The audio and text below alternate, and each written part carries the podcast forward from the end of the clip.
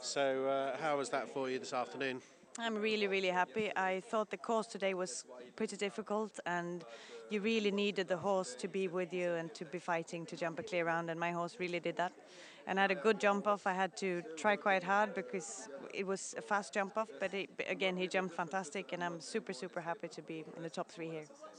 And you've, you've got a track record here at Olympia, and they, you, you're on the record of saying it's one of your favourite shows.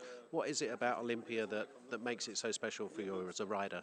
Well, I've been coming here since I think 1996 or something, so I've been here many, many times. Uh, it's great that my main sponsor, H&M, also sponsor a lot. It makes it a great finish of the year where we meet up the whole group, the sponsors, owners, everybody. And then it's just, the atmosphere in here is just amazing. I find it for sure one of the very best shows in the world. And you've obviously picked up some quite crucial World Cup points this afternoon as well. You must be pleased about that. You're now into that crucial top 18.